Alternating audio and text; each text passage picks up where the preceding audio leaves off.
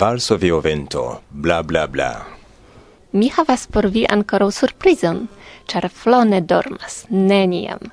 Mi havas plezuron prezenti hodiaŭ ankaŭ alian freŝe eldonitan albumon. Jen aperis la unua disko de Clarissa, dudek tria raĝa kanto aŭtorino, kiu ludas multajn ekzotajn instrumentojn. Ŝia pasio estas Afriko, do ŝi kantas inter alie en Swahila kaj Zulua. Dank al ŝia renkonto kun esperantistoj, La etnai africai cantoi estas tradukitaj al Esperanto, aranĝitaj kaj eldonitaj. Sia unua albumo havas la titolon Ludu kaj kantu.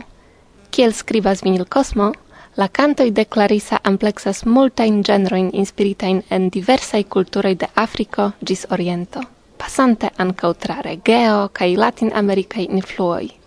Clarissa prescribis interesan devenon de quelcae cantoi en la retpaĝo de Vinil Cosmo, kaj mi tre rekomendas al vi legi tion. Dum auscultado, eble clopodos vi, kiel aspectas la instrumentoi kiujn ludas Clarissa. Vi povos vidi ilin en YouTube, char la filmetoi por tiui cantoi troveblas en la kanalo de Vinil Cosmo. Lau mia opinio, se vi shatas mont muzikon, La stilo de Clarissa certe placos al vi. Gi estas ricia de sonoroi, sed tranquila. Auscultante oni tui movigas laŭ la ritmo de la naturo. Cetere, sentu tion mem.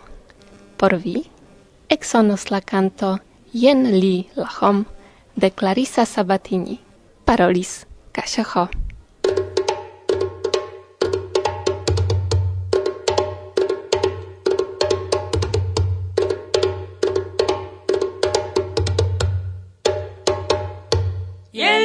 tuta mond.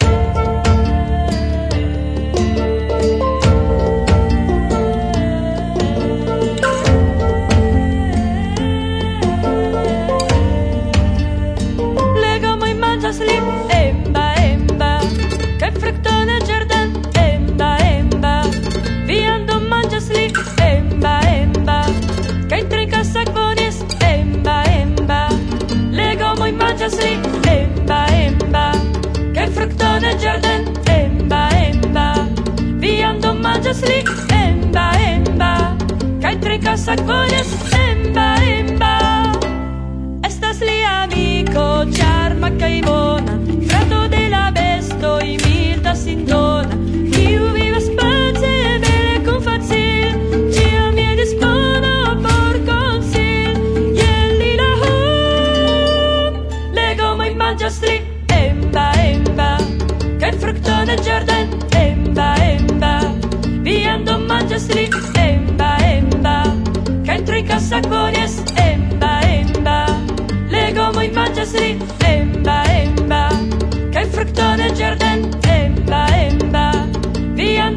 Musli, emba, emba, kaj tre kasak bone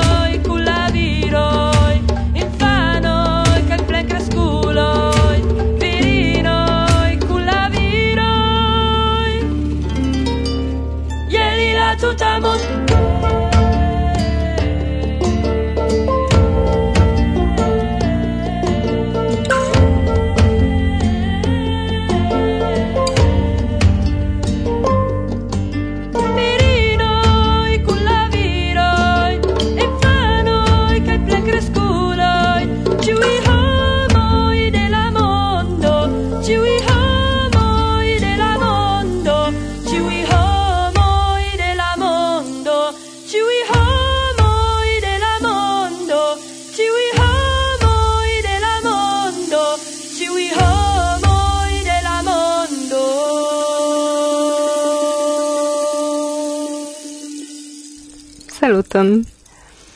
Kiel ciu monate venis la momento kiam esplorante riĉan historion de la movado esperantista, mi serĉas temon por la sekva epizodo de Konataj nekonataj. Ciam mi havas dilemon kiun prezenti. Ekde 1887, kiam aperis la unua libro, pasis ja kelkaj jaroj kaj fascinigita pri ideo de Esperanto estis ne nur la kreinto mem, kaj lia familio, sed multaj, se mi ne diru multegaj, meritoplenaj homoj. Eble se mi estus studentino de historio, verŝajne mi electus iun manieron presenti personecon post personeco, laŭ periodoj, kontribuoj aŭ branĉoj de aktiveco. Tamen mi estas kiel multaj el vi, kiu ekskursas en la pasintan tempon nur tiam, kiam aperas bezono. Kaj tiu aperas por mi unu foje dum monato. Monato, monato. Yes, monato. Vorto il konata, ĉu?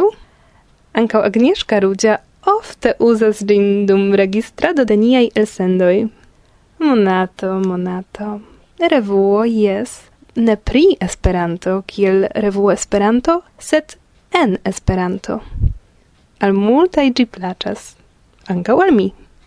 Multaj ĝin negas. De tempo al tempo ankaŭ mi. Kaj kio estas tipa en la movado esperantista, malantaŭ valoraj ideoj kaŝiĝas unu nomo.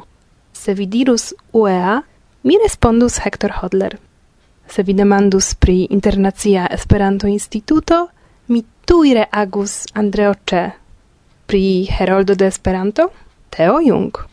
kai se mi dirus monato, kion vi respondus? Giuste. Auscultu do, se vi ne scias la respondon. Monato? Stefan Maul.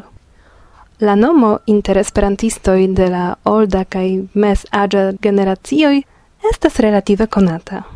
Ja li apartenas al visi uloi, kiui sukcesis el vorto crei carnon.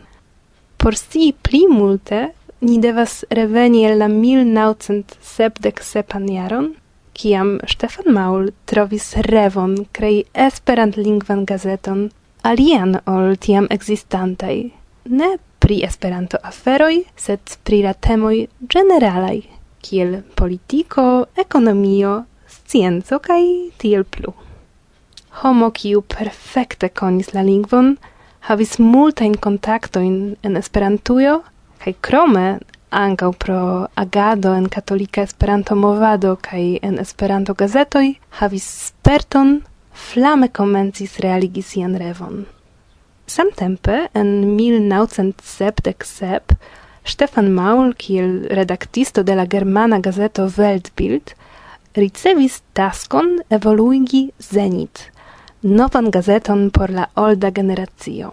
Kai kvankam pro pluraj sendependai factoroi de Maul la projekto mal successis, li farigis quasau fakulo pri creado de nova publicajo kai kaptis necesan sperton pri la mercato. Sed tiam ne temis pri monato. Stefan Maul revis pri semajna gazeto, kaj en 1970 ok aperis semajno, la kvardek pagia numero en a kvar formo, nicro blanca, illustrita, kun artikoloj pri terorismo, la olimpikaj ludoj en Moskvo en 1980, pri la politika situacio en Hispanio, gerontologio, cae multe pli. Tiun eldonon financis li mem, el sia propra posho, cae lau lia calculo, la proiecto successos se semainon abonos pli mal pli dec mil da esperantistoi. Compreneble la vivo correctis lian songion, mm, semaino tute ne atingis necesan quanton. Torben Kellet, kies firmao Toko Stafeto eldonadis multai libroi kai havis propran preseion, proponis al Stefan Maul ne rezigni, sed shangi ciclon de apero el semaina al monata revuo. Al creinto de semajne la ideo ne placis, char lauli monata revuo ne povas esti aktuala. Tamen, Kelet successis convinci lin, ke anstatau troa aktualeco La revuo povas proponi profundain analizain articoloin, verkitain de la logiantoi de la concernai landoi. Januare do, el 1980, aperis la unua numero de la revuo Monato. Torben Kellet mem presis kaj distribuis ĝin, kalkulante, ke la jara abono, dek du numeroj, por evolui bezonas du mil abonantojn. Antaŭ nelonge aperis biografio de Stefan Maul, el verva vivo jurnalista, en kiu vi ekscios multe pli da foje fascinaj detaloj. Ligilon al ĝia habita formo mi metas en la prescribon. Resume, kvankam en Esperantujo fari ion utilan ne facilas, Monato igis unu el la plej popularaj revuoj. Dum prezentadoj de Esperanto demanditaj pri gazetaro, esperantistoj ŝate respondas Jes, ĝi ekzistas kompreneble. Tiam ofte kiel unu en la exemploi aperos covrilo de iu monato, sed same kiel facile estas respondi, eblas imagi ke sen legantoj kaj abonantoj neniu revuo travivos. Monato travivis pli ol kvardek jaroj, dum kiuj dudek sub recta chefredaktorado de Stefan Maul. Dume li estis prezidanto de la ĵurnalista asocio Teja, prezidanto de la Fame Fondaĵo, membro de la Akademio de Esperanto kaj la unua direktoro de ties lingva konsultejo. Mense, korpe kaj kore ĉiam kun Esperanto. Stefan Maul. Unu el signifaj aktivuloj de la nuna historio Ĉu konata aŭ ne, sendube grava, ĉar eble vi tion ne vere komprenas, kreis revuon redaktatan de la esperantistoj el la tuta mondo. Kiam do vi aŭskultos pri parolon de Agnieszka Rudzia, sciu tion, ke monato ne estas arto por arto, sed valora agado de multaj por multaj, ankaŭ por ke nia lingvo existu, evoluu kai ciam estu preta igi la universala. Mi ne havis privilegion ec coni Stefan Maul persone. Mi havis plezuron ec coni nur nun tempan chef redaktoron de Monato. Sed ne Paulon mi desiras core salutinun, quancam verdire mi ec shatis lin. Saluton al Paulo, mi lasus por Agnieszka. Mi desiras saluti vin, Stefan, kai fini mian presentadon per simpla vorto dankon. Pro kio mi dankas? Vi scias. Gosia.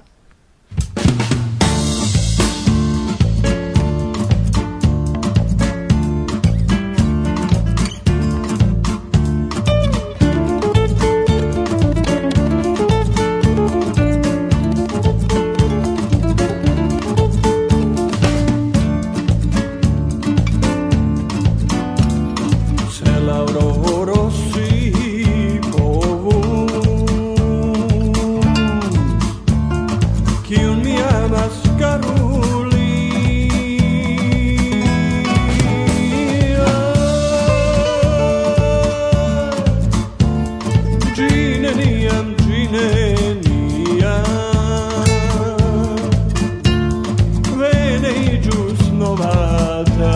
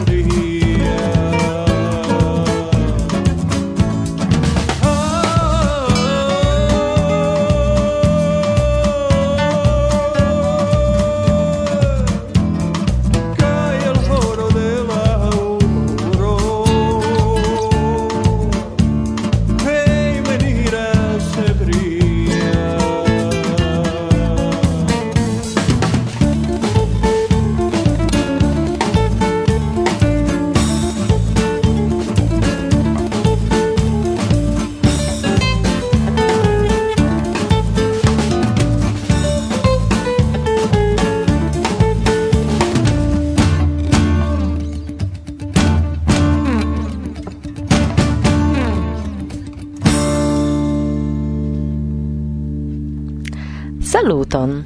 Nun pro presentado de Gosia antau momento, shaine vistias iom pli pri la revuo kiu kusas antau mi kai attendas pri parolon.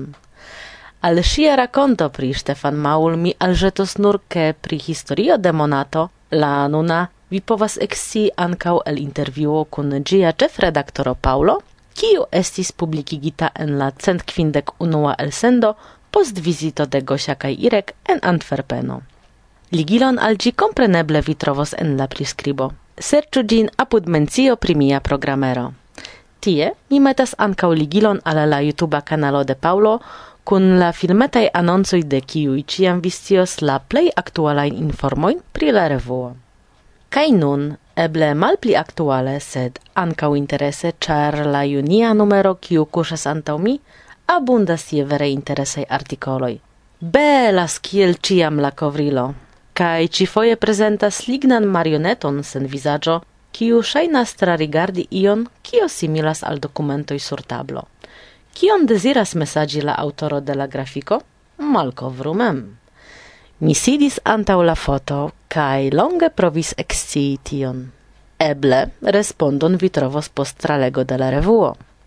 La plei granda kovrila fraptitolo krias laŭte kontraŭ mensoga facto controlado. Rilatas gi al la Rusia invado en Ukrainion, pri kio rakontas Michał Wabenda.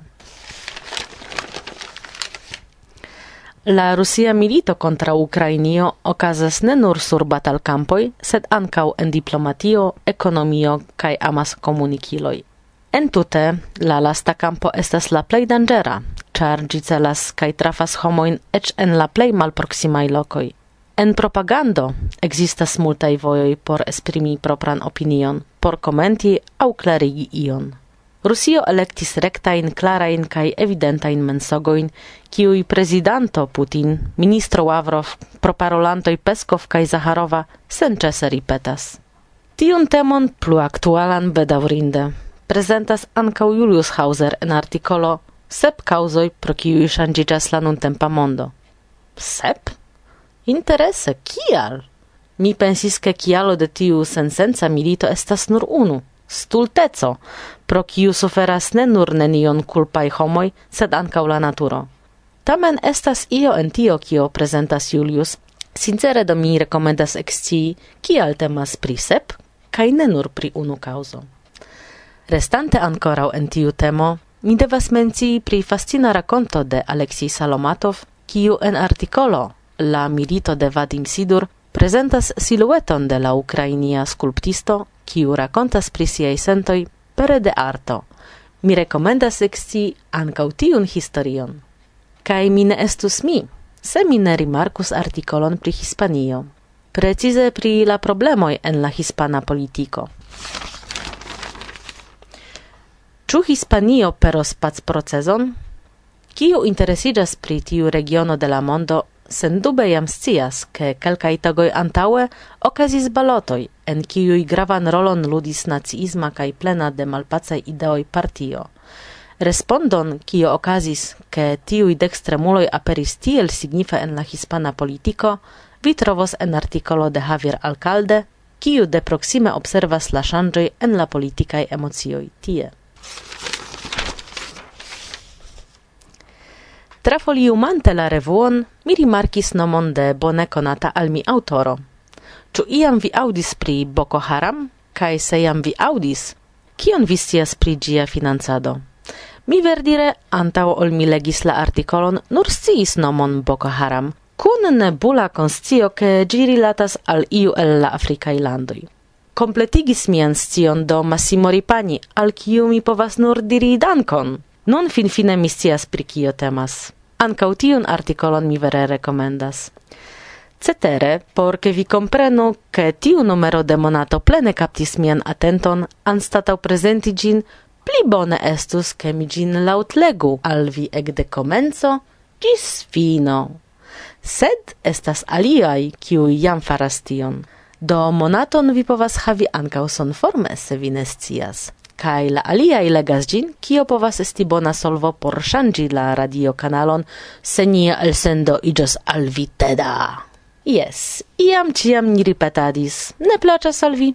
Bonege! auskultu do aliajn elsendoin. Gravas, ke ni auskultu Esperanton plei ofte, kial tio eblas, porke estu proksime al la lingvo internacia. Interesiĝu do ankaŭ pri la sona versio de Monato, se vi ne ŝatas legi, sed aŭskulti vi kapablas. Valoras mencii ankaŭ pri artikoloj de Alice Liu, maljuniĝas la loĝantaro, kio koncernas Ĉinion, sed fakte ne nur. Pri bonega intervjuo kun nia kara kaj ne anstataŭigebla Mikaelo Bronstein fare de Aleksij Salomatov. Pri muzika albumo Tra la sonĝoj de Žele, en recenzo de Antonio Cavalcante, kiu shaine ekŝatis arton de Lena Kajżenia. Kaj pri artikolo La sorcia aktuala lingvaĵo de poezio progresigu la mondon de Bruna Milani. Auskultu pri kio temas.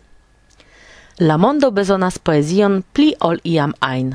ne nur kiel konsolan ilon, sed kiel kontrau venenon, kontrau mensa strececo, kontrau mallonga rigardado kaj pensado. Tiu ci skizofrenia mondo, kiu pli kaj pli ŝajnas interligi homojn kaj tutmondiĝi, urĝe tamen bezonas remalkovri poezion, por ke ĝi nek kreu malamikojn, disrompojn, kontraŭstarojn, perfortajn situaciojn, nek konstruu ajnajn murojn.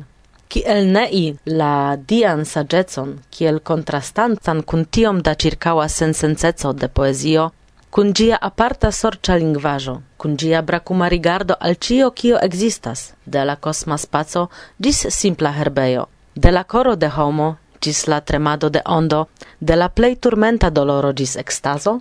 Belege! Kaj plene mi consentas. Pro tio ancau en niai elsendoi aperas poezio. Cifoje de Halina Kuropatnicka al kiu helpas kashi. Rimarku tion! Kaj fine, czar pardonu, sed ne pri ĉiuj artikoloj mi havas tempon menci. Paulo viscias kial. Mi devas iom diri pri rimarkoj de de Filip Ivancic en artikolo Nia prioritato la protectado de la nederlanda lingvo. Mi ŝategas la nederlandan, Mi ne konas ĝin, sed la falsaj amikoj ĉiam amuzigas min en Nederlando, kiam mi aŭdas ekzemple huidah, huidah, kio signifas en la pola kacan tegmenton aŭ huivart, kacan valoron. Belega artikolo. Mi legis ĝin eĉ dufoje, sed tamen serioze. Temas pri intervjuo kun sinjoro Simon Smith, aktivolo en asocio por lingvo protektado, en kiu mi trovis tre interesajn respondojn kaj argumentojn. Ne tre rimarkis mi la lastan kovrilan paĝon kun granda reklamo de la libro, pri kiu menciis jam Gosia, kaj kiu prezentas faktoj kaj spertoj el la vivo de la honora ĉefredaktoro de Monato, Stefan Maul. Sed ĉar Gosia diris, ke ŝi ne salutos Paulon, ĉar tio estas la tasko mia.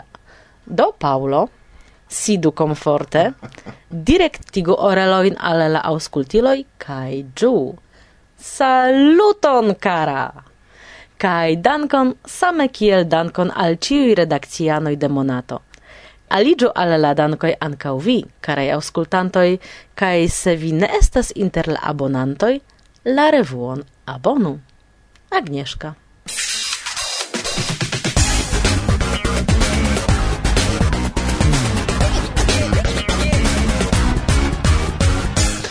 Kaj en cio kiun kadre de la centsesdekoka elsendo ni preparis al vi. Ne forgesu, ke la sekva elsendo aperos en oktobro. Pos la pauzo somera. Ah, kiun kredu al mi ni bezonas. Kaj post arkones. Yes, interesiĝu pri arkones la artaj konfrontoj en Esperanto meze de septembro. En Poznań poznano Esperanto. ne exacte.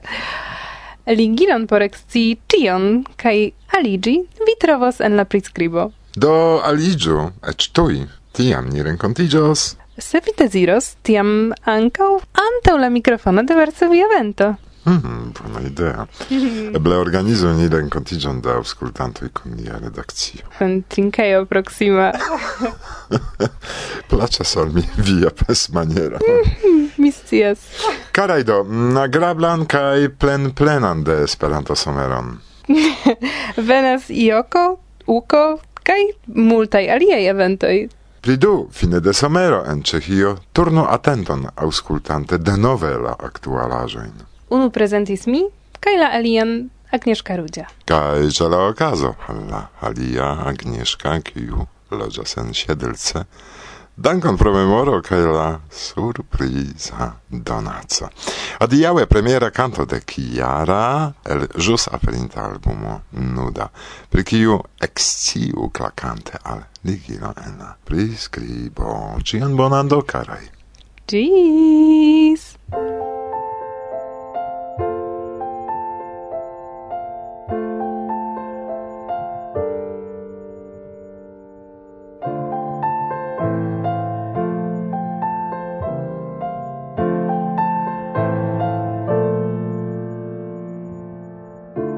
sen mova mi. C'è il porto del fapeloci Chiu min lassa sen arbar ti Timas mi che mangiu min la lupo. Kai mi rediras che Shangi giù mi malfrueune Timas mi priper mare plena de alibioi. Kai se estus fiera mi Che l'aglo flugus mia pique Sur la frigo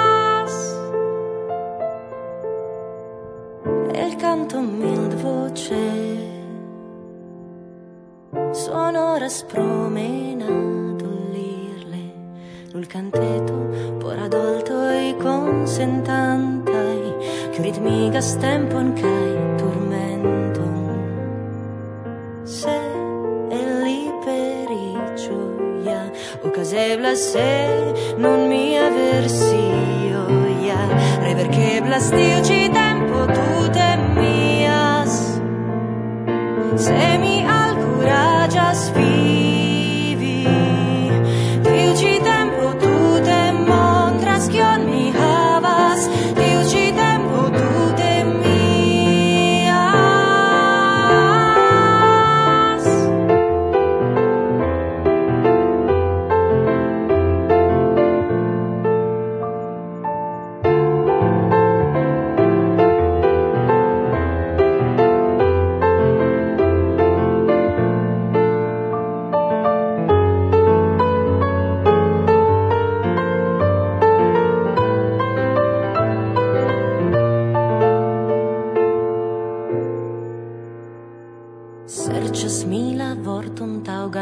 la frason kiu convincas nun funebrulla resignoi